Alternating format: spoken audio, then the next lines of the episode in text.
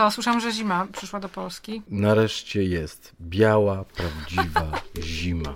No, na ten dzień. Oby nie, oby na dłużej, bo każda pora roku, wiesz co, musi mieć swój kolor, a zima musi być biała.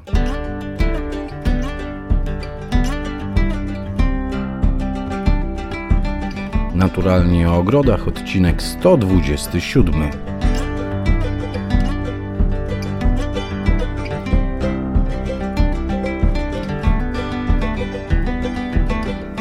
Naturalnie o ogrodach Katarzyna Bellingham, Jacek Naliwajek. Dzień dobry Katarzyno ze śnieżnego Pomorza i przesyłam pozdrowienia, jak słyszę, ze śnie do śnieżnej Anglii. Tak, no już nie ze śnieżnej. E, ze śnieżnej Anglii pozostały tylko. Um, Wspomnienia? To znaczy nie wspomnienia, ale również takie um, miejsca, gdzie były bałwany. To te bałwany, jeszcze jakieś kawałeczki ich y, ciała są. Także przed domem jest taki maluteczki, maluteczki bałwanek i w Ranisha Hall taki maluteczki bałwanek na środku tego, tego wielkiego trawnika, bo Albert robił tam też bałwana. Ale naprawdę zima w Anglii y, y, była przez cały jeden dzień. Także już przyszło po niej 11 stopni y, na plusie i teraz jest bardzo przyjemnie. Chociaż wietrznie, ale zawsze coś musi być nie tak. No przecież jest no początek grudnia, no kurczę, to jest ciężki, ciężka, ciężka pogoda. Trudna o tej porze roku. No, kapryśna e, w obecnych mm. latach, w ostatnich latach bardzo e, kapryśna. A dziś odcinek Grudzień w ogrodzie ekologicznym.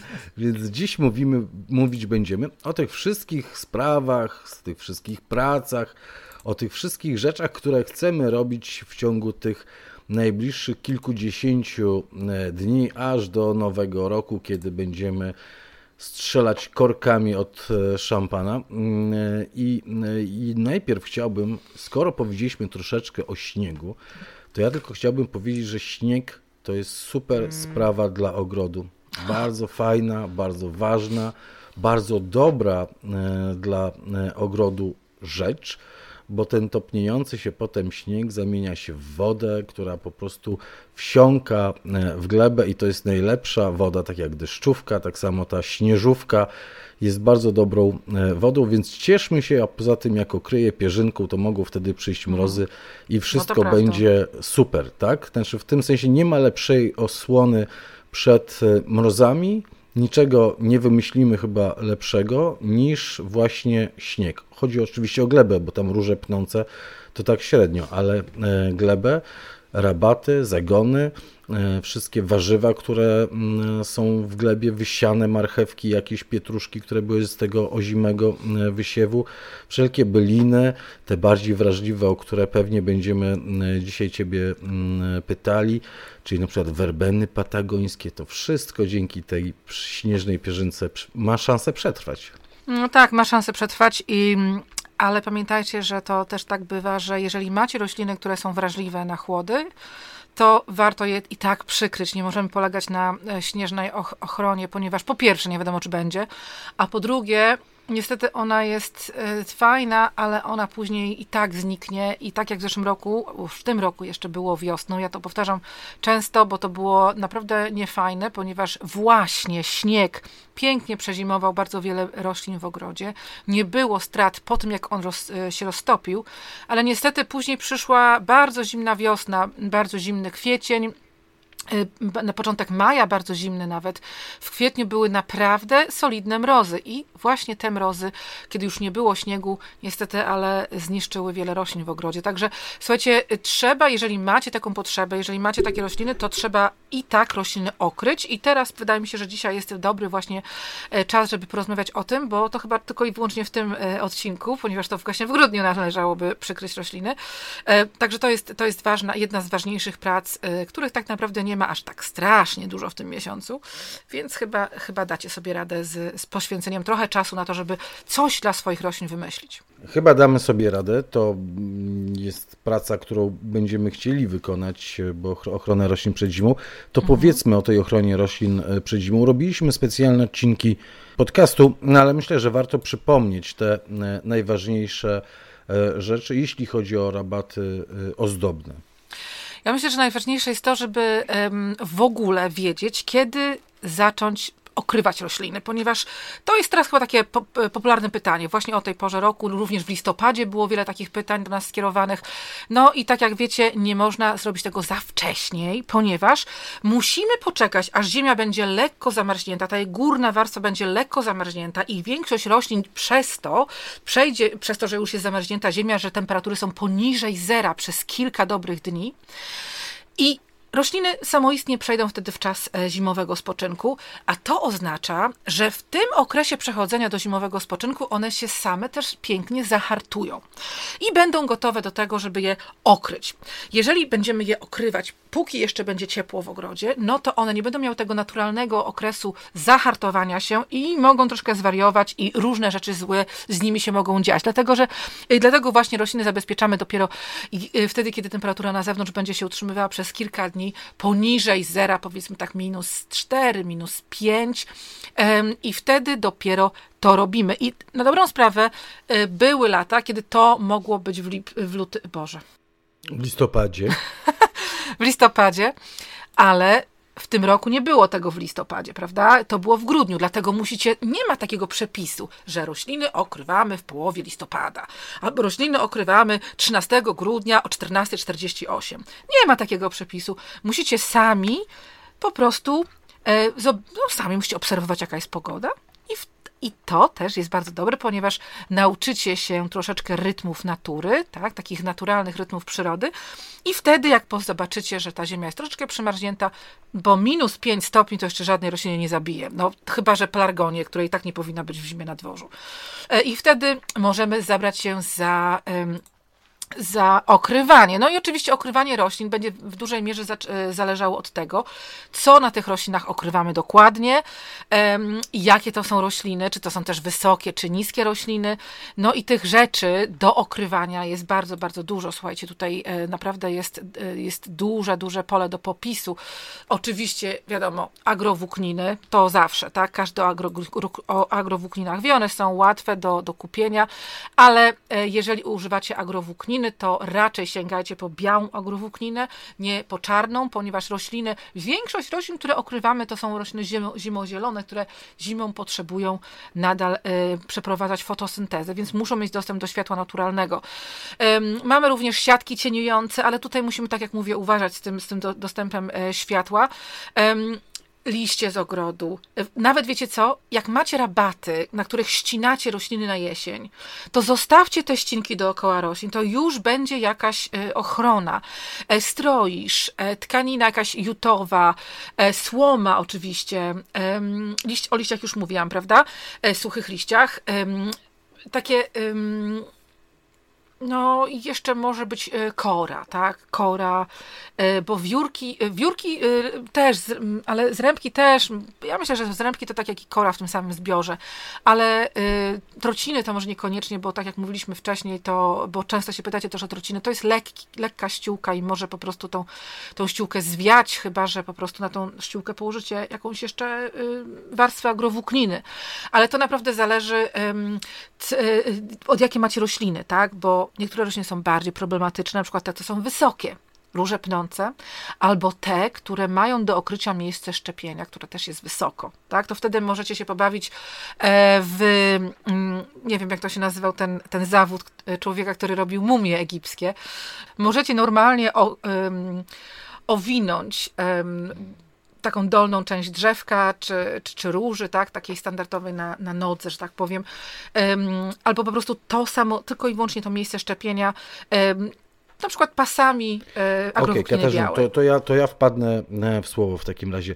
Podzielmy na kilka jak gdyby kategorii albo na kilka części roślinę i e, zastanówmy się, co może być albo co powinno być chronione przed mrozami.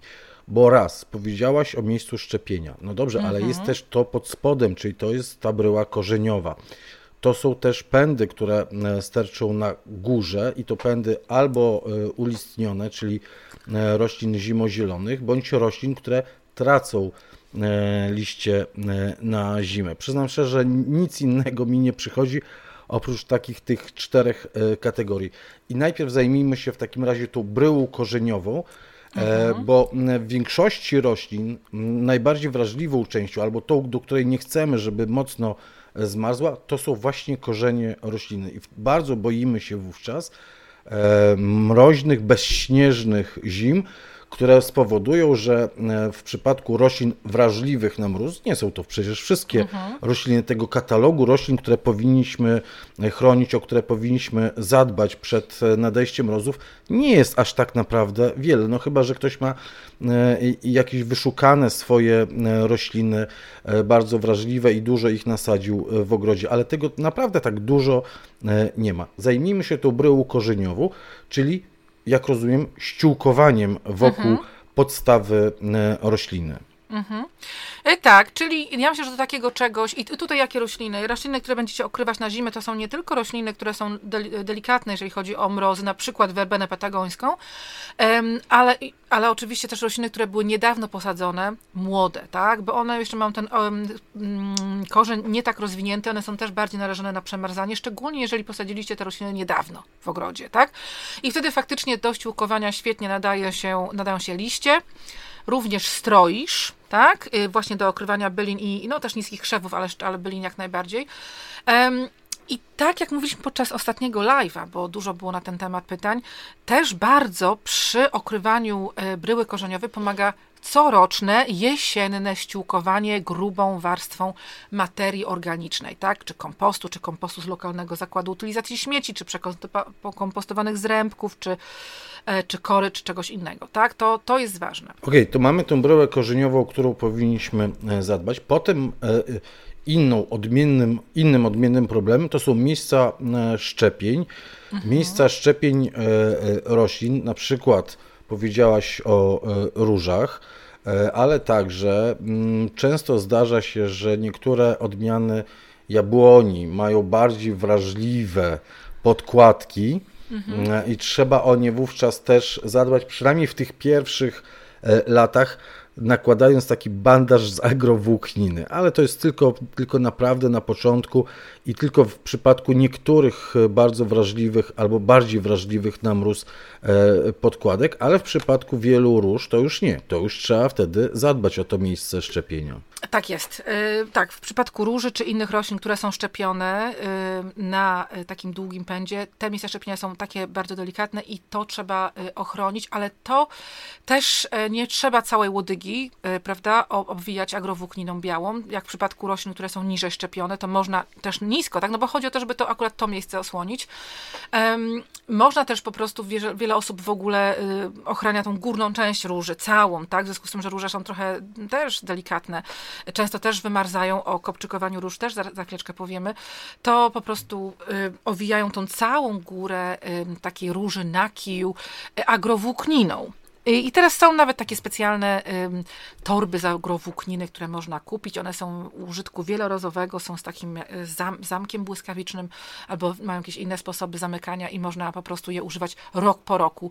No, jeżeli chodzi o, o, okrywanie, słuchajcie, to jedyny problem jest taki, że po prostu niektóre okrycia wyglądają tak trochę podejrzanie w ogrodzie zimą, prawda? Jakieś, jakieś agrowłókniny, jakieś, y, no to wszystko wygląda, czy styropian, tak? Bo niektóre, niektórzy mają na przykład wzniesione rabaty, na których mają delikatne rośliny i tutaj bryłę korzeniową styropianem dookoła, że tak powiem, okładają, obkładają? Okład, ok, obkładając rabatę, tak? Obkładają rabatę mhm. całą.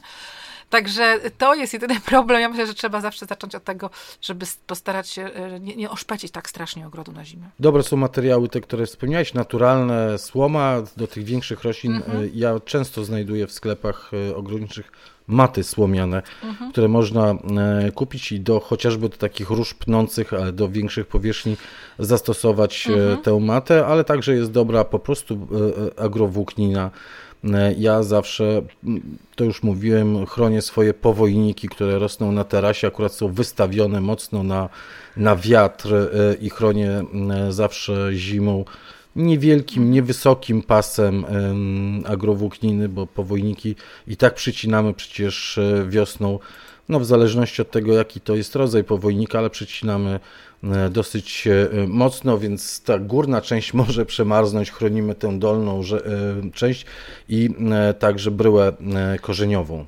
Mhm. Jeszcze można y, zrobić oczywiście takie konstrukcje z y, owalną, z, z, y, taką owalną konstrukcję z siatki albo leśnej, albo z takiej siatki heksagonalnej, która ma te swoje otwory około 2,5 cm na 2,5 cm i potem wypełnić je słomą.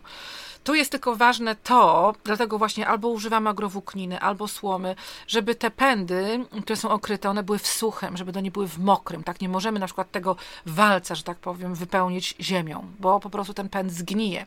To tylko się sprawdza przy kopczykowaniu em, takich roślin, które później, jeżeli przemarzną, mają odbijać z nad ziemi tak? Tak jak róże. Dlatego kopczykujemy, bo później chociażby te kikuty pędów, te kikutki, które są pod y, kopczykiem, które są pod, nad ziemią, ale pod kopczykiem zimą, chociażby one nie przemarzają i z tego wyrosną potem nowe, nowe pędy na wiosnę. Dlatego to jest super sposób na kopczykowanie właśnie róż. Czasami używa się te też do budlei, ale wydaje mi się, że to tak naprawdę dużo roślin może zgnić. Także kopczyki są, zare, zarezerwujcie sobie kopczyki dla róż. Ale mówisz o kopczykach ziemnych, czy o tak, tych ziemnych, walcach ziemnych. Kopczyki ziemne. ziemne. Te walce, o których Katarzyna mówiła, to polega na tym, że wokół rośliny ustawia się taki walec właśnie mm, z siatki, czy to metalowej, czy to e, plastikowej i wnętrze tej siatki, gdzie jest e, roślina, wypełnia się po prostu tak luźno e, słomą i to dobrze chroni przed mrozami. E, to można budleje na przykład też tak e, e, spróbować chronić. To można perowskie, jeżeli ktoś ma jakąś wątpliwość, czy perowskie nie jest zbyt wystawione na mroźne wiatry, to też tak można chronić. Wiele roślin można w ten sposób chronić. Ważne jest to, żeby zaczekać, aż ta ziemia rzeczywiście troszeczkę przymarznie, czyli kilka e, dni mroźnych. Ja sprawdzam na mm, prognozie pogody, a wiadomo, że to różnie bywa tak, z synoptykami. Mhm. Najbliższe e, dni tutaj na Pomorzu temperatury e, w nocy mają być minus 1, minus 3, minus 4 w ciągu dnia 0, 1, minus 1, więc e, to już jest ten czas, w którym na pewno e, warto pomyśleć o ochronie e, zimowej roślin. Tak, jeszcze nie wspominaliśmy o tym, że chodzi, chociaż jest tak dużo śniegu i on, ja z doświadczenia wiem, że on tutaj w Anglii był ten, ten sam śnieg, co był u nas, to powędrował do Was, on był w pewnym momencie dosyć mokry, dosyć ciężki. I to też jest bardzo ważne zadanie. Ogólnie będziemy mówili o tym przez kilka miesięcy zimowych, bo to trzeba mieć cały czas oko na to, co się dzieje w ogrodzie z krzewami i z drzewami, jeżeli chodzi właśnie o ciężar śniegu. E, dużo osób, szczególnie jeżeli macie rośliny jakieś iglaste, takie w, w, o pokroju kolumnowym, nie tylko o pokroju kolumnowym, ale szczególnie o pokroju kolumnowym, to warto jest je związywać e, na zimę, zrobić z nich takie, e, takie stożki, żeby faktycznie one się po prostu nie poniszczyły. Nawet jeżeli one się nie połamią, to one mogą się, no już nie mieć tego swojego stożkowego pokroju na wiosnę i na przyszły sezon, mogą brzydko wyglądać, ale jeżeli zauważycie, że ten śnieg robi się ciężki i, i nie, i, zamar, i zamraża się z powrotem, zamarza, a nie roztapia się, czyli ta, ta, ta odwilż przyszła tylko na tyle, żeby go zmoczyć, rozmoczyć, ale nie żeby się stopił, to wtedy naprawdę warto zadbać o to, że czasami przejście po ogrodzie z miotłą i to jest bardzo satysfakcjonujące i przyjemne zadanie, żeby pójść i trochę powalczyć ze śniegiem, żeby pos, posypywać go. Strząsnąć po prostu. Tak, strząsnąć z roślin. Trochę ciężko mi kiedyś było w lesie to zrobić u mnie, ponieważ y, mi tak, tak poprzewieszały mi się drzewa przez to młode, no ale trudno. Um, no i też to dotyczy oczywiście e, konstrukcji ogrodowych. Ja wiem, że to konstrukcje ogrodowe nie musimy ocieplać na zimę, ale jeżeli chodzi o szklarnie i tunele, szczególnie jeżeli macie możliwość na przykład ze szklarni ściągnąć, jeżeli nie jest to jakieś niemożliwe, bo u nas z tunelu raczej jest to niemożliwe, żeby ściągnąć śnieg i wiem, że u nas wzgorzałem e, było teraz, jak spadł śnieg parę dni temu, to było całkowicie ciemno. E, I to też jest ważne, bo to nie chodzi tylko o zniszczenie konstrukcji, ale chodzi o to, że cokolwiek jest w środku, to teraz ma ciemno. A te rośliny wcale nie powinny mieć ciemno. U nas jest pełno już różnych nowalijek, które e, wy, wykiełkowały już teraz, tak? Tam są piękne przecież już zieleninki sobie rosną. Poza tym rośliny, które są zadołowane. No nie chcemy jeszcze, żeby nie było światła. Także jeżeli możecie, to z konstrukcji ogrodowych też go zrzucajcie. Poza tym, że taka czapa potem może spaść wam na przykład na coś, co rośnie pod szklarnią jakąś lawendę czy coś innego, ta krzewinkę, szczególnie krzewinki na to są narażone na takie zniszczenie i wam ją po prostu rozłamać i rozwalić. Katarzyna mówiła o tym robienia takich mm, baleroników, tak to nazwijmy, z niektórych e, roślin wrażliwych na rozłamywanie. Chodzi przede wszystkim o rośliny, które mm, są zimozielone. E, wiele iglaków e, powinno być w ten sposób jak gdyby podwiązane, żeby pod ciężarem śniegu, tego mokrego, dużego, grubego śniegu nie odginały się, nie odkształcały się, bo nawet jeśli się nie połamią, to akurat, nie wiem, w przypadku no dobrze, niech będzie tuj albo e, innych e, iglastych, po prostu te gałęzie pozostaną już e, od, odgięte na wieki wieków przez ten kilka tygodni, gdy ten śnieg będzie leżał, one po prostu pójdą w innym kierunku niż myśmy się spodziewali, dlatego warto okręcić po prostu sznurkiem e, takie e, rośliny, żeby e, śnieg nie rozłamywał. Ja mam zawsze problem ze śniegiem, który mi z dachu się zsuwa mm. na rabatę i tutaj muszę mocno uważać i wszelkie rośliny przed tym dachem przed tym śniegiem z dachu chronić. To jest ochrona roślin przed mrozami, tych roślin, które rosną w gruncie, ale bardzo często też E, dostajemy pytania, teraz będziemy je także pewnie dostawali, co robić z roślinami, które mm, rosną w donicach, albo te, które są posadzone e, w donicach czy to w ogrodzie, czy to na balkonie, tak? Bo mhm. sama zauważyłaś, jak wiele pytań było właśnie o tak. ochronę choćby lasagne, czyli e, takich nasadzeń cebulowych w donicach i jak je przechowywać teraz przez zimę. Tak jak zawsze powtarzamy, no oczywiście rośliny rosnące w donicach są bardziej narażone na mróz, tak, z tego powodu, że ta bryła korzeniowa nie jest schowana w ziemi, a w ziemi nawet na głębokości kilku centymetrów zawsze jest cieplej niż nad ziemią. Dlatego jeżeli macie takie rośliny na balkonie czy na tarasie, to tą górną część możecie spokojnie potraktować tak jak rośliny w ogrodzie, czyli możemy na przykład owinąć je, e, tą górną część agrowłókniną, związać i, ow, e, i owinąć agrowłókniną albo chochołem jakimś ze słomy, albo zrobić walec, e, w, sam, w środku donicy albo walec, który również y, okryje donicę z zewnątrz, o to jest dobry pomysł, wziąć taki kawałek siatki, otoczyć siatką Dokładnie, żeby, był, y, żeby była i donica, mhm. i roślina. Ale wtedy też warto tą donicę postawić na e, kawałku styropianu. Dlatego, że styropian jest najlepszym, e, najlepszym iz, izolatorem, tak? I, e, i, I, spowoduje, że po prostu nie będzie ta, ta donica też pobierać mrozu, na przykład z betonu, na którym stoi, albo z kamienia, na którym stoi. Także to jest najważniejsze. Używajcie też materiałów naturalnych, jutowe, worki. Um, agrowłóknina jest ok, też oczywiście ona się, ona się bardzo przydaje, szczególnie jeżeli używacie rok po roku, bo to jest, wiadomo, że to nie jest ekologiczny produkt, ale jeżeli używacie go przez wiele lat, no to, że tak powiem, y, jest to usprawiedliwione w jakiś sposób, ale pamiętajcie o tym, że nie tylko otulamy górną część rośliny, ale właśnie tą donicę. To jest bardzo ważne i im większa donica, im więcej w niej jest ziemi, tym jest mniejsza e, możliwość, e, czy, czy, czy, czy niebezpieczeństwo, mniejsze niebezpieczeństwo, że ta roślina przemarznie. Tak? I wiecie, jeżeli macie dużo małych doniczek, to macie wie, troszkę więcej pracy, bo powinniście je zabezpieczyć. Wiele osób też e, martwi się, bo te rośliny cebulowe, o których mówimy w tych lasagnach, już niektóre powychodziły. Niektórzy piszą o, na przykład o czosnkach tych jadalnych, które też powychodziły e, z gruntu, już mają kilka już mają kilka centymetrów i martwią się, czy one przetrwają tę zimę. No to tak, no to słuchajcie, no dużo, to jest, nie, spokojnie, czosnki, to wszystko przetrwa zimę. Była, ba, była bardzo ciepła jesień, no nie oszukujmy się, był, y, był ten listopad był naprawdę ciepły i dużo roślin może troszeczkę zwariowało, wznowiło delikatnie wegetację, ale podejrzewam, że ten śniegi teraz ją, tą wegetację od, odwznowią i już nie będą te rośliny tak pędziły do, do wzrostu.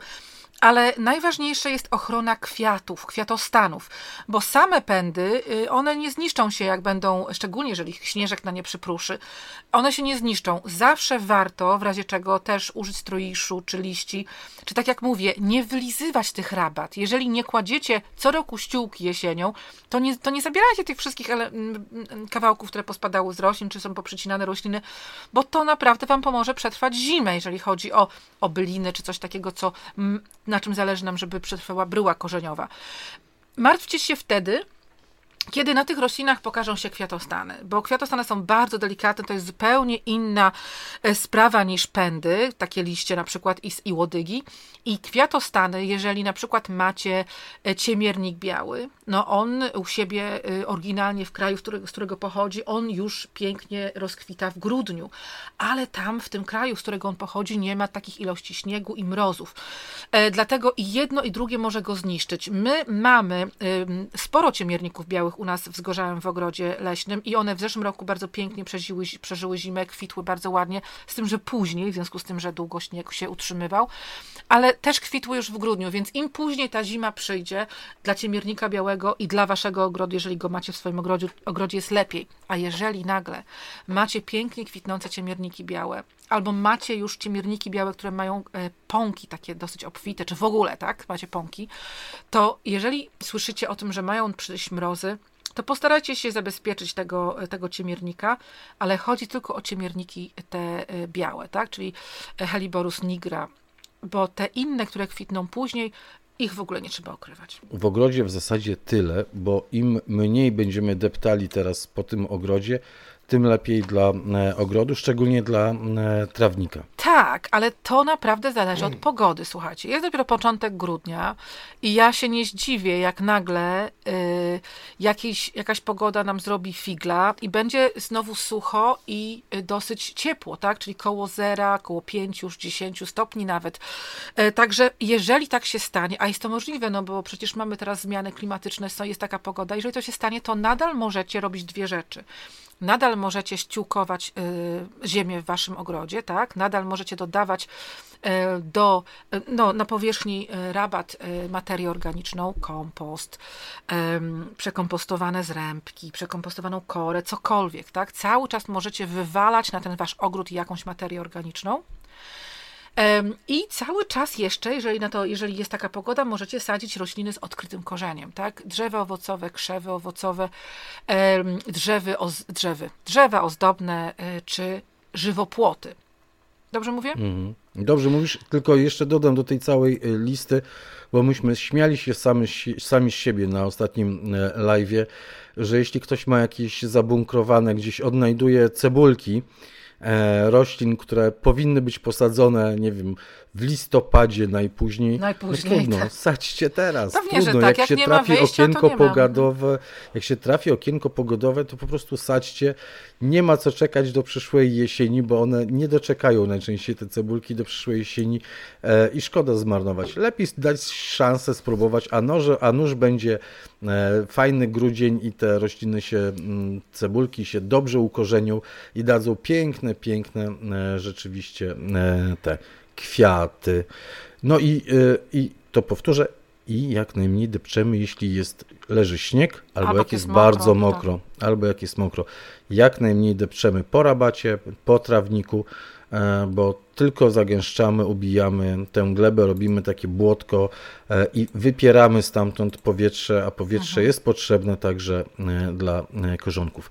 Katarzyno, grudzień to także jest czas zakupu wielu nasion. Myśmy robili mhm. specjalny odcinek o nasionach, więc odsyłamy, bo to był ostatni odcinek przed tym odcinkiem, kiedy mówiliśmy, czym kierować się przy zakupie nasion. Tam także mówimy, jak przechowywać takie nasiona przez zimę, jak doczekać z nimi do wiosny. Pamiętam, że mocno zachęcałaś, żeby przejrzeć swoje stare nasionka, które mamy, mm, mhm. zrobić taki remament, remanent i zobaczyć remanent. remanent dobrze powiedziałem, i zobaczyć, co jest, a co trzeba e, dokupić, sprawdzając choćby też datę ważności. Na opakowaniach jest napisane, to jest taka sugestia do kiedy jeszcze ta siła kiełkowania jest e, wystarczająca, tak to mm, nazwijmy. Ale to także grudzień czas, w którym możemy pomyśleć nad zaopatrzeniem się w fajne narzędzia do e, ogrodu. Mhm. I chciałbym Ciebie e, popytać właśnie, czym kierować się przy wyborze narzędzi do ogrodu. czym kierować się? No dobrze. dobrze I jakie ja... narzędzia mhm. koniecznie musimy mieć, a jakich Niekoniecznie. Dobrze, słuchajcie, ja wam powiem tak, tak, tak, dobrze, to tak podsumowując, faktycznie Jacek, tak jak mówił, teraz już jest dobry czas, żeby zabrać się za przeglądy nasion, za ewentualne zamawianie nowych nasion i tutaj właściwie w tym samym podzbiorze prac y, zimowych, już pierwszy, pierwszy miesiąc zimy w sumie, to jest właśnie y, sprawdzenie, przejrzenie swojego, swojej, no to się różnie na to mówi, ja na to mówię domek ogrodnika, ale wiem, że to się mówi również y, kanciapa, tak, jakieś takie miejsca, gdzie przechowujecie swoje y, sprzęty ogrodnicze, między innymi narzędzia. To, że powinniście teraz zadbać o kosiarkę, to też będziemy Wam przypominać jeszcze przez kolejne kilka miesięcy, parę miesięcy, że teraz jest dobry czas, żeby te kosiarki przejrzeć, naprawić ewentualnie, czy inne sprzęty, czy piły, e, odesłać do profesjonalnego albo samemu naostrzyć noże, tak? Bo potem wiosną nie będzie na to czasu, ale faktycznie dobrze jest teraz zadbać o to, żeby w tej kanciapie czy w domku ogrodnika na przyszły sezon było wystarczająco narzędzi, żebyście nie musieli się martwić i w momencie, kiedy ich potrzebujecie, żebyście je mieli pod ręką.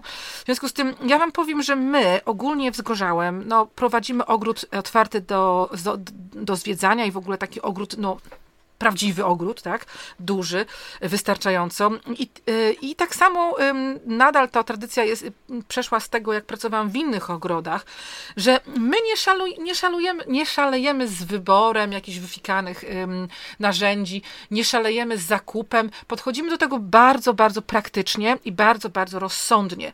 I w tym momencie, no ja już mam tyle lat doświadczenia za sobą, jeżeli chodzi o ogrodnictwo, mamy wypracowane jakieś rzeczy, które nam są potrzebne, potrzebne. I szczerze mówiąc sceptycznie podchodzimy do jakichkolwiek nowości, bo wiele z nich tak naprawdę to są po prostu gadżety, które no, są na rynku dlatego, że oczywiście ogród, tak jak i biznes dla dzieci ma, małych czy dla zwierząt, to jest rzecz no, taka, że można zarobić na tym sporo forsy. Dlatego właśnie różne przeróżne narzędzia cały czas się pokazują, ale naprawdę niektóre my, ogrodnicy, to po prostu zbywamy śmiechem. Ale są takie, które są naprawdę, na pewno Wam potrzebne, z którymi nie będziecie się rozstawać. Przede wszystkim dobry sekator, sekator ręczny, e, później e, sekator większy do gałęzi i tutaj też, słuchajcie, można e, kupić albo sekator do gałęzi suchych, albo sekator do gałęzi mokrych, tak? One się troszeczkę od siebie różnią. E, no i piłkę, tak, nie, to, nie taką piłkę do, e, do grania w piłkę, tylko piłkę, tak zwany lisi ogon, do przycinania gałęzi. To są takie podstawowe rzeczy, jeżeli chodzi o cięcie. Oczywiście w naszym ogrodzie są też piły spalinowe e, i tutaj, jeżeli chodzi o takie sprzęty do cięcia, to muszę Wam powiedzieć, że naprawdę ważne jest, w co zainwestujecie ja mam swój sekator Felko od 1997 roku i cały czas wygląda tak samo jak w dzień jego zakupu. Naprawdę, uwierzcie mi, sekator ten nie był najtańszy z sekatorów, ale ja w swojej pracy no teraz to już tak już niestety e, za dużo czasu spędzam przed komputerem, ale kiedyś faktycznie pracowałam w ogrodzie 5 e, czy 6 dni w tygodniu, 8 e, godzin dziennie i ten sekator był cały czas w użytku. I jedyne co najwyżej może się zużyć to jest to ta, ta Opakowanie. Opakowanie sekatora, które można sobie przywiesić przy pasie, to jest zrobione z, ze skóry i moje już to wygląda strasznie, ale sam sekator jest świetny i to samo, jeżeli chodzi o narzędzia tnące. E, my e, sekatory do e, ogrodu, do gałęzi kupujemy też dobrej firmy. Ja, jeżeli chodzi o piły tnące, to też staramy się kupować. No, no mówisz nie... o spalinowych płynach, y, piłach, tak? No, i spalinowe, powiem mhm. wam szczerze, i spalinowe piły, i, um, i do cięcia gałęzi grubszych, no od lat właściwie mieliśmy już wszelkie firmy, y, no wiecie co, no po prostu ufamy firmom, które zajmują się produkcją narzędzi do, y, do użytku w lesie. Firmy, które mają doświadczenie w, w zaopatrzeniu. I, I uwierzcie mi, że tego nie kupicie ani w Obi, ani w, w Lidlu, to, są, to się idzie do salonu takiej firmy y, i się kupuje albo w dobrych sklepach ogrodniczych, tak? I mhm. jeżeli chodzi na przykład o, o piły spalinowe oraz o narzędzia inne, które trzeba by było podłączyć albo do prądu, albo nalać do nich benzyny. E, I w naszym ogrodzie są to y, przede wszystkim poza kosiarkami. Poza kosiarką to też są podkaszarki to jeżeli teraz jest taki moment, że nam się stary sprzęt psuje, to bez żadnego zastanawiania się inwestujemy w sprzęt elektryczny, tak? E, sprzęt, który jest, który działa dzięki bateriom, ładowan, ładowanym bateriom, tak? W ogóle bez żadnego, bez, bez żadnego wymyślania, dlatego że e, sprzęt spalinowy jest nieekologiczny, zawsze tą energię, e, prąd można zdobyć w jakiś inny sposób, niekoniecznie przez spalanie węgla, tak? A na przykład dzięki... I dużo, dużo cichsze te narzędzia są. O wiele cichsze. Na przykład narzędzie do, do, do liści, prawda? My tego akurat nie potrzebujemy, ale to jest ogromna różnica. Pamiętasz, Jacku, na pewno też pomyślałeś o radiu. o, odkurzacz do liści, jak no, nie, to zawsze nie. był Wszelkie problem. dmuchawy spalinowe, odkurzacze spalinowe, nie, nie, to ja potępiam, bo, bo to jest tylko przeszkadzanie E, już nie mówię o środowisku, to jest przeszkadzanie i hałasowanie e, Dokładnie. sąsiadów. Innym. Do tego zestawu, który tam powiedziałeś, do tego wszystkiego cięcia, ja e, absolutnie myślę, że należałoby dorzucić nożyce do cięcia żywopłotów, mhm, tak, które oczywiście. przydają się w moim przypadku nie tylko do cięcia żywopłotów, ale do takiego szybkiego cięcia wszelkich krzewinek, E, żeby nie bawić się sekatorkiem, to po prostu takimi nożycami e, do cięcia żywopłotu. Wiele krzewinek można bardzo szybko, ładnie uformować, przyciąć e, i mieć no, piękne, piękne rośliny, więc nożyce, nożyce do żywopłotu, czy to takie ręczne nożyce do żywopłotu, bo one na pewno się przydadzą, ale też takie mechaniczne nożyce do żywopłotu, E, z długim taką listwą, taką długą, żeby się za, za, za bardzo nie, mm, ten, nie zamęczyć, jak, ma się ktoś dług, jak ktoś ma długie e, żywopłoty. A co z widłami, a co z motykami, a co z tymi e, elementami do uprawy gruntu? Jak najbardziej. Do uprawy, do kultywacji gruntu potrzebne Wam jest niewiele. Ok? Nie, my u siebie w ogrodzie mamy szpadle, ale takie szpadle, słuchajcie, płaskie, zakończone na, y, na no jak to powiedzieć, no to są takie prostokąty, tak? One nie są zakończone jak półksiężyc. Nie na ostro. E, nie, nie, na mhm. ostro, mhm. czyli tylko mhm. normalnie na wprost i też nie są, um, nie są za, za, jak to powiedzieć, są też proste, tak? Po prostu proste są. Prosty szpadel. Nie są jeszcze w dodatku zaokrąglone. Nie tylko na końcu, ale nie są sam szpadel, sam. Nie jest tak jakby wypukły. Ta łyżka tego szpadla nie jest zaokrąglona, tylko jest bardziej płaska. Tak, normalny, płaski szpadel e, i też pamiętajcie, żeby on był nie za ciężki dla Was, żeby był wygodny i też jak weźmiecie szpadel do ręki, to będziecie wiedzieli, czy to jest coś, co w ogóle przeżyje jeden sezon, czy nie, tak, czy on jest solidny, czy nie.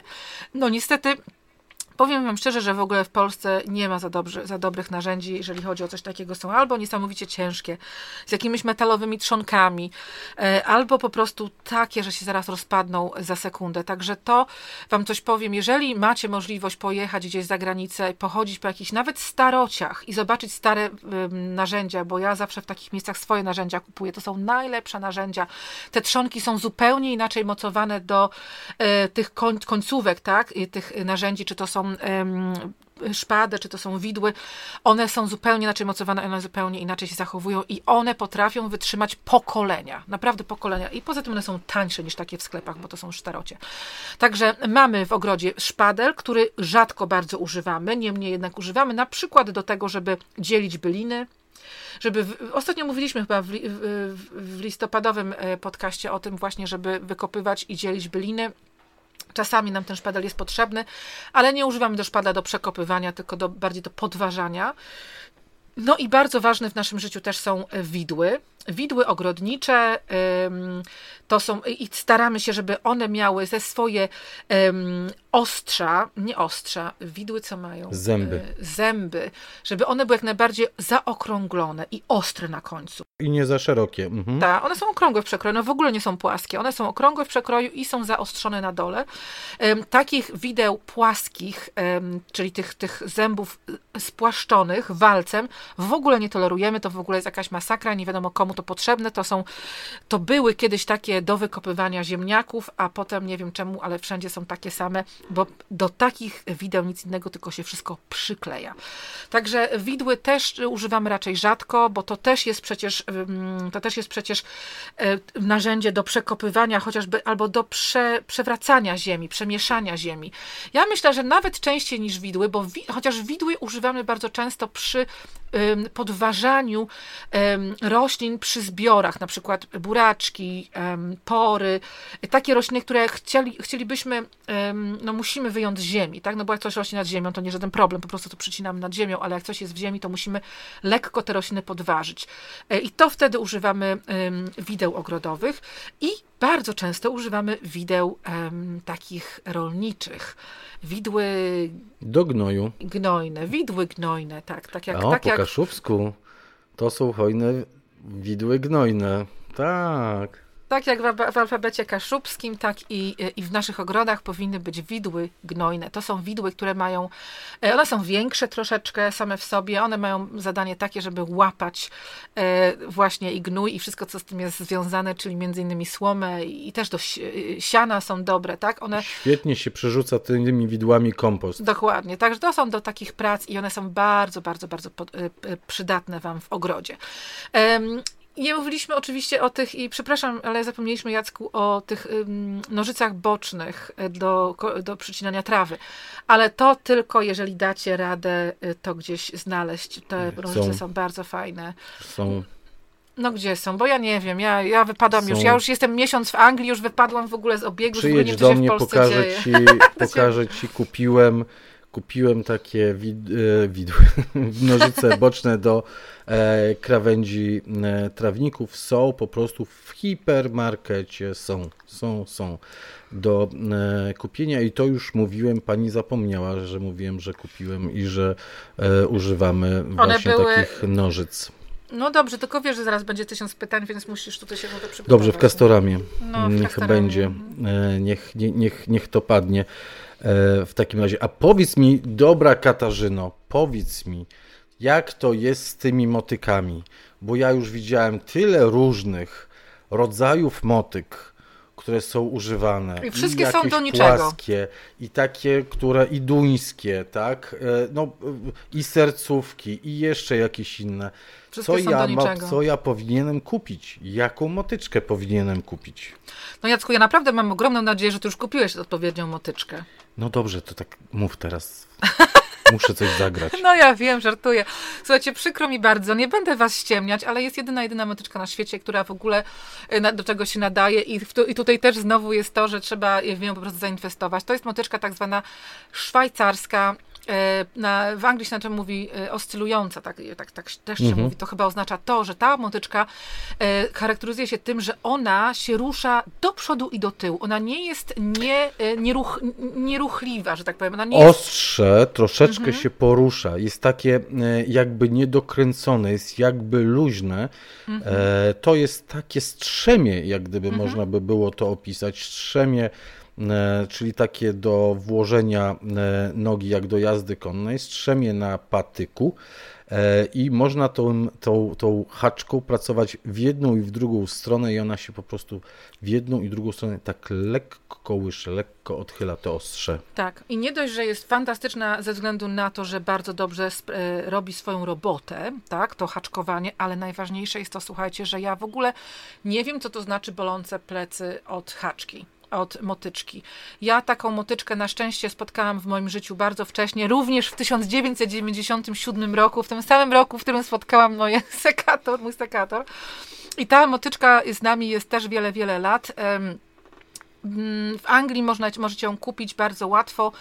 Ona, y, można w Anglii kupić ją w, szerokościach y, większej, średniej lub mniejszej, tak, no w zależności od tego, jakie macie rzędy w ogrodzie pomiędzy roślinami, tak, co, co jest dla Was łatwiejsze. Oczywiście, jak nie macie możliwości wszystkiego kupienia, to trzeba kupić tą średnią. To ja też mam tylko jedną średnią.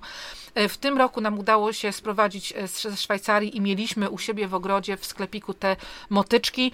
Były dosyć drogie, e, ale i tak się rozeszły, tak? Nie wiem, czy w przyszłym roku trzeba będzie poprosić a nie żeby nam znowu ścignęła tych panów ze Szwajcarii. To jest normalnie firma, która produkuje te motyczki i, i jeżeli, i, i, to jest jedyna motyczka, jaka, jaka w ogóle w moim życiu istnieje, że tak powiem, ale jeżeli mieszkacie w, nie w Polsce, to możliwe, że te motyczki spokojnie możecie kupić, chociaż nawet w Anglii to nie jest tak też, że możecie kupić ją w sklepie, tylko możecie ją kupić po prostu w katalogach. Jak poszukacie Swiss Hoe, to raczej znajdziecie taką, taką motyczkę e, na pewno. E, jeszcze malutkie narzędzia do, rą do rączki. A, bardzo proszę, łopatki. Tak, łopateczka i, i, i widelczyczki, tak? Dlatego, że to są dwie rzeczy, które są bardzo potrzebne do sadzenia roślin i do odchwaszczania, tak? E, łopatka ręczna jest potrzebna, e, dlatego że nawet jeżeli macie ogród no dig, to robicie sobie, wbijacie sobie łopatkę, delikatnie odchylacie e, tak do przodu, do tyłu, robicie otwór w ziemi bez wykopywania niczego i tam sobie wkładacie sadzonkę. Jeżeli wysadzacie sadzonki, oczywiście jeżeli robicie wysiewę, to jest zupełnie inna sprawa.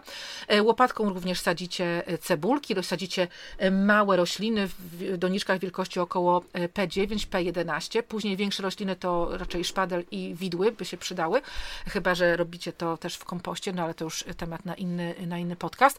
Ale na pewno ręczne, ręczna łopatka i ręczne widły. To są takie małe widły wielkości mniej więcej tej łopatki. To nie są pazurki. Pazurki to są bardziej, pazurki to, są, to, to już, już wchodzi w świat motyczek. To już dla mnie nie jest, nie jest żadne widełki. I te widły, słuchajcie, one tak naprawdę troszeczkę już przyrosły mi do, do rąk, bo w życiu moim poprzednim, kiedy nie miałam ogrodu no-dig, to ja zawsze miałam przy sobie taki, taką, takie widełki i po prostu podwa- jak gdzie tylko były jakieś chwasty, to podważałam delikatnie jedną ręką ch e, właśnie chwasty, e, drugą ręką wyciągałam te chwasty. No teraz już, już mi trochę odrosło od ręki, już tak dużo, często nie używam tego, e, tak naprawdę te, tych, tych widełek, ale wiem, że te widełki i te, te łopateczki są często sprzedawane w zestawie. I kup, spróbujcie kupić też takie lepsze trochę, bo te, te czasami, ja się śmieję, ale to jest naprawdę prawda. To jest naprawdę prawda, to jest prawdziwa polszczyzna. Słuchajcie, kiedyś jechałam do e, klientki do, na Żoliborz, do no, mojej kochanej pani Agaty e, i tam żeśmy, i nie mieliśmy łopatek, a mieliśmy sadzić um, cebulki. I było to naprawdę nieduże, to jest nieduży ogród yy, i tych cebulek nie było tak strasznie dużo, tam nie wiem, może z 200 góra, tak? I słuchajcie, i ja mówię, no to skoczymy do, yy, tam do Arkadii, do Leroy Merlin i tam były takie tanie łopatki. Były też droższe, no ale kupiliśmy te tańsze i ja mówię do tych moich... Nie plastikowe, plastikowe pewnie by przeżyły, metalowe. Ja mówię do tych moich ogrodników, słuchajcie, zakładam się z wami, że pod koniec dnia one będą połamane i były połamane. Także tutaj też warto zainwestować w porządne i powiem Wam szczerze, że narzędzia takie małe, ręczne można kupić w TK Maxie. Mhm. Zdarza się, że są fajne angielskie narzędzia. I również te nożyce boczne ja w dawnych czasach kupiłam też w TK Maxie w Gdańsku. Teraz na szczęście Jacek mówi, że jest, są już w Castoramie, więc to już, mhm. już, już jest y, New World. O większych e, maszynach, które przydałyby się, to na przykład rozdrabniacz e, do gałęzi Kasia Oj, teraz tak. E, to chyba się tak dobrze mówi, ostrzy sobie zęby na taki tak. rozdrabniacz i bardzo chciałaby mieć taki rozdrabniacz ze względu na rozmiar ogrodu, to taki solidny, porządny i ja też powoli chyba zaczynam brać pilnik do ręki, też ostrzyć sobie zęby, powoli, powoli E, na rozdrabniacz, bo ja zazwyczaj taki rozdrabniacz pożyczałem mm, i przewoziłem, i, a teraz mam mniejszy samochód, nie mam tak dużego bagażnika i nie wiem, co mam zrobić i jak sobie e, dać radę, ale taki rozdrabniacz do gałęzi i niektóre mają także funkcję do, e, do rozdrabniania takich zielonych części, to jest możliwe. Grudzień to także jest ten miesiąc, w którym powinniście się zaopatrzyć wszelkie hmm, Pojemniki, które już od stycznia będą Wam być może potrzebne, jeśli będziecie wchodzili w ostnice, w papryki, w te wszystkie warzywka, które potrzebują i rośliny, które potrzebują długiego okresu wegetacji, wczesnego e, wysiewu. Chodzi mi o doniczki P9, mhm. chodzi mi o wielodoniczki. I czym tutaj się kierować przy wyborze wielodoniczek? Okej, okay, tak, to jest prawda. Warto sobie też kupić te sprzęty do ogrodu. E, słuchajcie, no wielodoniczki, jeżeli kupujemy plastikowe wielodoniczki, to kierujmy się tym też. Niestety ja jestem bardzo nudna, ale żeby one były jak najbardziej solidne, ponieważ wtedy też będziecie mogli je używać przez wiele, wiele sezonów. Bardzo często w przypadku wielodoniczek, tutaj wpadnę w słowo, mhm. E, jak poszukacie w internecie, w sklepach e, internetowych, to bardzo często w nazwie takiej wielodoniczki jest napisane, że ona jest wzmocniona. Czyli po prostu te ścianki e, wielodoniczki, te, te ścianki plastikowe są nieco grubsze niż standardowe i one tak szybko się no, nie kruszą, nie łamią, nie zginają i przez to ta wielodoniczka przetrwa kilka sezonów a nie jeden sezon bardzo często w przypadku tych wielodoniczek takich e, cieniutkich, bardzo Oj, tak, cieniutkich. Tak, tak, tak, tak. One są do niczego. Przy wyborze wielodoniczek zwracajcie uwagę na wielkość. Wielkość jednej komórki w takiej wielodoniczce, takiej jednej doniczki w sumie, powinna być około 4,5-5 cm nie powinna być mniejsza i na dobrą sprawę nie powinna, dla większości roślin nie powinna być większa. Są rośliny, które szybciej rosną, są większe, na przykład słoneczniki, czy kosmosy, czy pomidory, ale wtedy po prostu sadzicie już je indywidualnie do pojemników P9 właśnie. Kolejna rzecz, druga rzecz i bardzo ważna, jeżeli chodzi o wybór multi, um, multidoniczek, to jest to, żeby one miały porządną, dużą dziurę tak, e, w dnie. Duża dziura w dnie i jak największa. Każdej wielokomórce każdej tej maleńkiej doniczce powinna być dziurka na dnie, no nie może tam e, stać e, woda i ważne jest także, żeby ten kształt e, tego, tej wielodoniczki, czyli im, im niżej, tym bardziej była coraz węższa, przez to dużo łatwiej jest potem wyjąć taką sadzonkę z wielodoniczki. Myślę, że wiele osób już nieraz zmęczyło się w przypadku wielodoniczek takich kwadratowych. Wyciągnąć taką roślinę to był, to był kłopot ta dziurka jest także e, pomocna, jak nie chce wychodzić taka sadzoneczka, żeby tam e, ołóweczkiem od, od spodu popchnąć, to wtedy łatwiej e, wychodzi. Ale wielodoniczki, doniczki P9, czyli doniczki takie 9 na 9 e, cm, przekrój 9 na 9 e, cm. Ja teraz także stosuję te, te troszeczkę mm, mniejsze, pośrednie, czyli P7 doniczki. Mówiłem kiedyś, że przez przypadek tak się śpieszyłem w zamówieniu, że nie sprawdziłem, zachwyciłem się, że jest fajna cena, okazało się, że to nie P9, a P7, więc mam spory zapas Dawid stosuje dużo tych P7 bardzo. No, ale to, jest, ale to jest właśnie to, że potem można sobie przesadzać do nieco większej doniczki. Najpierw w takiej wielodoniczce 4,5 e, cm, potem przesadzić do wielodoniczki, e, do doniczki 7 cm, potem do 11 cm i mam zawsze dodaną świeżą ziemię i mam... I nie mamy czasu, żeby w ogóle cokolwiek innego robić w życiu. Katarzyno, proszę ciebie, ja nie mam takiego ogrodu wielkiego jak ty. Naprawdę. No ale masz też duży ogród. Ale nie mam tak wielkiego ogrodu jak ty. No, no nie jest taki wielki. Ja mogę się troszeczkę napracować. Nie ma e, problemu z tym przesadzaniem e, dla mnie. Nie, no poza tym to jest bardzo przyjemna, e, relaksująca praca. To nie ma o czym mówić, tylko kurczę, żeby tylko był czas na to. I jeszcze jedna rzecz, jeśli myślimy o tym przesadzaniu, bo na kupowanie ewentualnie podłoża mówię wam, że jest jeszcze za wcześnie. Mhm. E, jakieś kupowanie, magazynowanie e, tego podłoża jeszcze, jeszcze nie, nie ma co. Dopiero jak będzie się zbliżało e, terminy będą sadzenia, to wtedy można rozglądać się e, za tymi podłożami, chociaż teraz można się w wermikulit zaopatrzyć w jakąś większą ilość, która będzie, wermikulit, który będzie służył do rozluźnienia mhm, mhm. tej ziemi, do wysiewu, do pikowania, ale także do przesypywania tych wysianych nasion ale, ale ja w tym roku i polecam wszystkim, e, którzy mają e, też e, inne dodatki, jak na przykład ziemię liściową, no też wermikulit, ja zbieram, bo mi się wdarł kret mm, i zbieram ziemię z kretowisk, z tych kopców i ładuję do wiaderek i wstawiam do szklarni, żeby tam niespecjalnie jakoś przemarzły. Mam, mam całkiem, całkiem ładny zapas ziemi liściowej. Będę próbował tworzyć własne mieszanki do wysiewu i pikowania w tym roku. Super. Słuchajcie, jedna ważna sprawa. Wydaje mi się, że w związku z tym, że jesteście już zawaleni śniegiem, to już można oficjalnie powiedzieć, że teraz już wszyscy powinni dokarmiać ptaki. A, to zdecydowanie. Teraz już nie ma odwrotu, słuchajcie, i bo jeżeli zaczniecie je karmić, to nie możecie przestać. Także jak zaczniecie karmić ptaki, to już musicie je regularnie karmić aż do wiosny. Tak, także to jest też mm, bardzo, ważna, bardzo ważne zadanie dla mm, ogrodnika na zimę.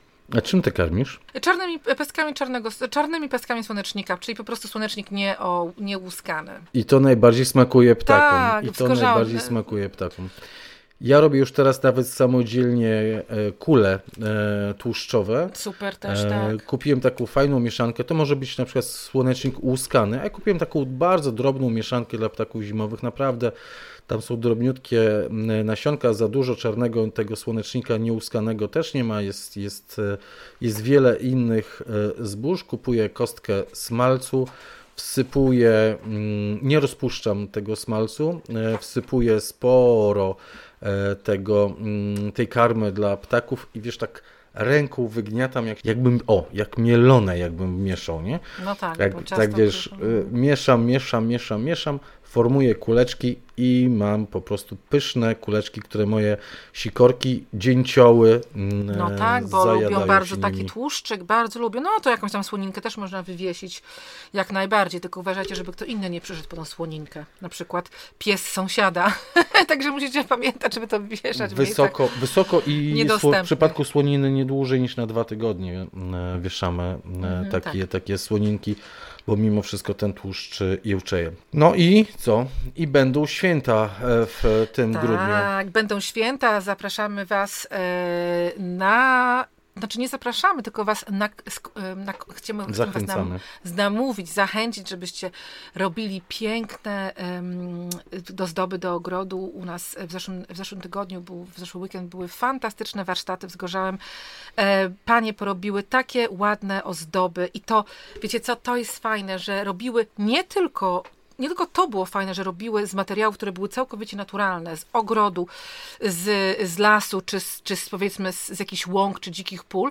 Słuchajcie, jedną rzecz, która była kupiona do tego, poza oczywiście y, wstążeczkami, to były y, dodatki, do, jeden dodatek to był eukaliptus. Alina mi powiedziała dzisiaj, że właśnie tylko i wyłączny dodatek, jaki kupiła to w kwiaciarni, to był eukaliptus, no bo on jest ładnie pachnie, ma taki ładny kolor, a cała reszta była z ogrodu, z, e, z lasu.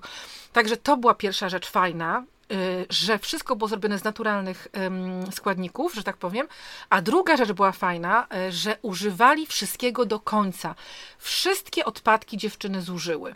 Tak, bo jedne najpiękniejsze części poszły na reprezentacyjne wianki, czy na jakieś y, o, aranżacje y, na stół, czy na wianek adwentowy, czy na drzwi na wianek, a później te wszystkie gałązki, które zostały, można z nich było robić girlandy, można z nich było robić mniejsze, jakieś zwisy, że tak powiem, na to zawsze mówimy zwisy świąteczne, Em, albo też dziewczyny robiły z nich takie malutkie choineczki em, w kształcie takiego, takiej czapki na głowę, takiej szpiczastej czapki em, Chiński, elfa. Jak to, jak to Chińczycy myślą? Elfa, ale nie, nie, nie elfa. Chińczycy mieli takie płaskie. Elf, elfy mają takie bardziej. A, takie E, szpiczaste. tak, tylko no elfy wiadomo, że nie, są nieprawdziwe, Mm, tak? Chińczycy istnieją, elfy nie istnieją, ale znaczy istnieją? podobno, no podobno nie istnieją, tak słyszałam. Nie, no co ty, takie rzeczy... Co ty takie rzeczy? Jak elfy? To i święty Mikołaj nie istnieje, jak chcesz Nie, powiedzieć. dobra, dobra, dobra, już nie będę tutaj sobie kopać dziury tymi moimi widłami gnojnymi. Słuchajcie, w każdym bądź razie chodzi o to, że nie dość, że używały naturalnych składników, to jeszcze do końca wszystko, ostatnią gałązeczkę, ostatnią igiełeczkę e, użyły. I to jest właśnie ten spirit of Christmas, to jest ten spirit, to jest ten duch, duch, e, duch e, Bożego Narodzenia. Także oczywiście wszystkie też się cieszyły, e, do to jest super zajęcie, także postarajcie się właśnie nie zwariować e, na punkcie e, po prostu wydawania pieniędzy na te wszystkie, co mnie przeraża, te wszystkie plastiki, te wszystkie niepotrzebne rzeczy, które potem po prostu są niepotrzebne. Dziękuję Ci Katarzyno, już grudniowo Ci e, dziękuję za ten odcinek. Do zobaczenia na poniedziałkowym live'ie o godzinie 20 na Facebooku. Serdecznie Was wszystkich zapraszamy z pytaniami. E, Wiemy, że nie na wszystkie odpowiadamy, ale robimy co możemy, żeby Kata, Katarzyna się stara coraz szybciej odpowiadać. Ja staram się też jak najszybciej zadawać te No, pytania. Trzeba szybko tam już po prostu od, od początku być i sobie od razu te pytania Nie, wysyłać. nie, nie, nie. Na- Najpierw jest bardzo miło, jak ktoś napisze witajcie, e, albo napisze, że pozdrawiamy, albo że cieszymy się, że jesteście, albo Tak, cieszymy się, wy że sobie nie jesteście. myślcie, że my tego nie tak, czytamy. Tak, tak, jesteśmy tak. bardzo próżnymi ludźmi i bardzo Tak. lubimy najpierw pozdrowienia Tak. e, na Tak, początku jak najbardziej. live'ów. Ja zapraszam również do, na mojego vloga, bo wczoraj e, poszedł nowy vlog, e, Tak, też znowu, e, znowu z z zaśnieżonego, zaśnieżonej Anglii, tylko tak jak już wam tutaj podpowiadam, po cichutku już nie ma tego śniegu na szczęście, także na to też zapraszam. I Kasia stoi z warzywkami. Tak, stoję z warzywkami, które już są zjedzone. No i zapraszam Was serdecznie do wspomagania Ogród Bellingham. E, zostańcie naszym patronem em, i e, weźcie udział w tymi, w tymi wszystkich super rzeczach, które się dzieją w naszym ogrodzie i w zimie, i, i wiosną, i latem, i jesienią również. Dziękujemy Wam bardzo serdecznie. Do usłyszenia w podcaście za tydzień i do zobaczenia na live w najbliższy poniedziałek. Do widzenia, Katarzyno. Do widzenia, trzymajcie się, papa.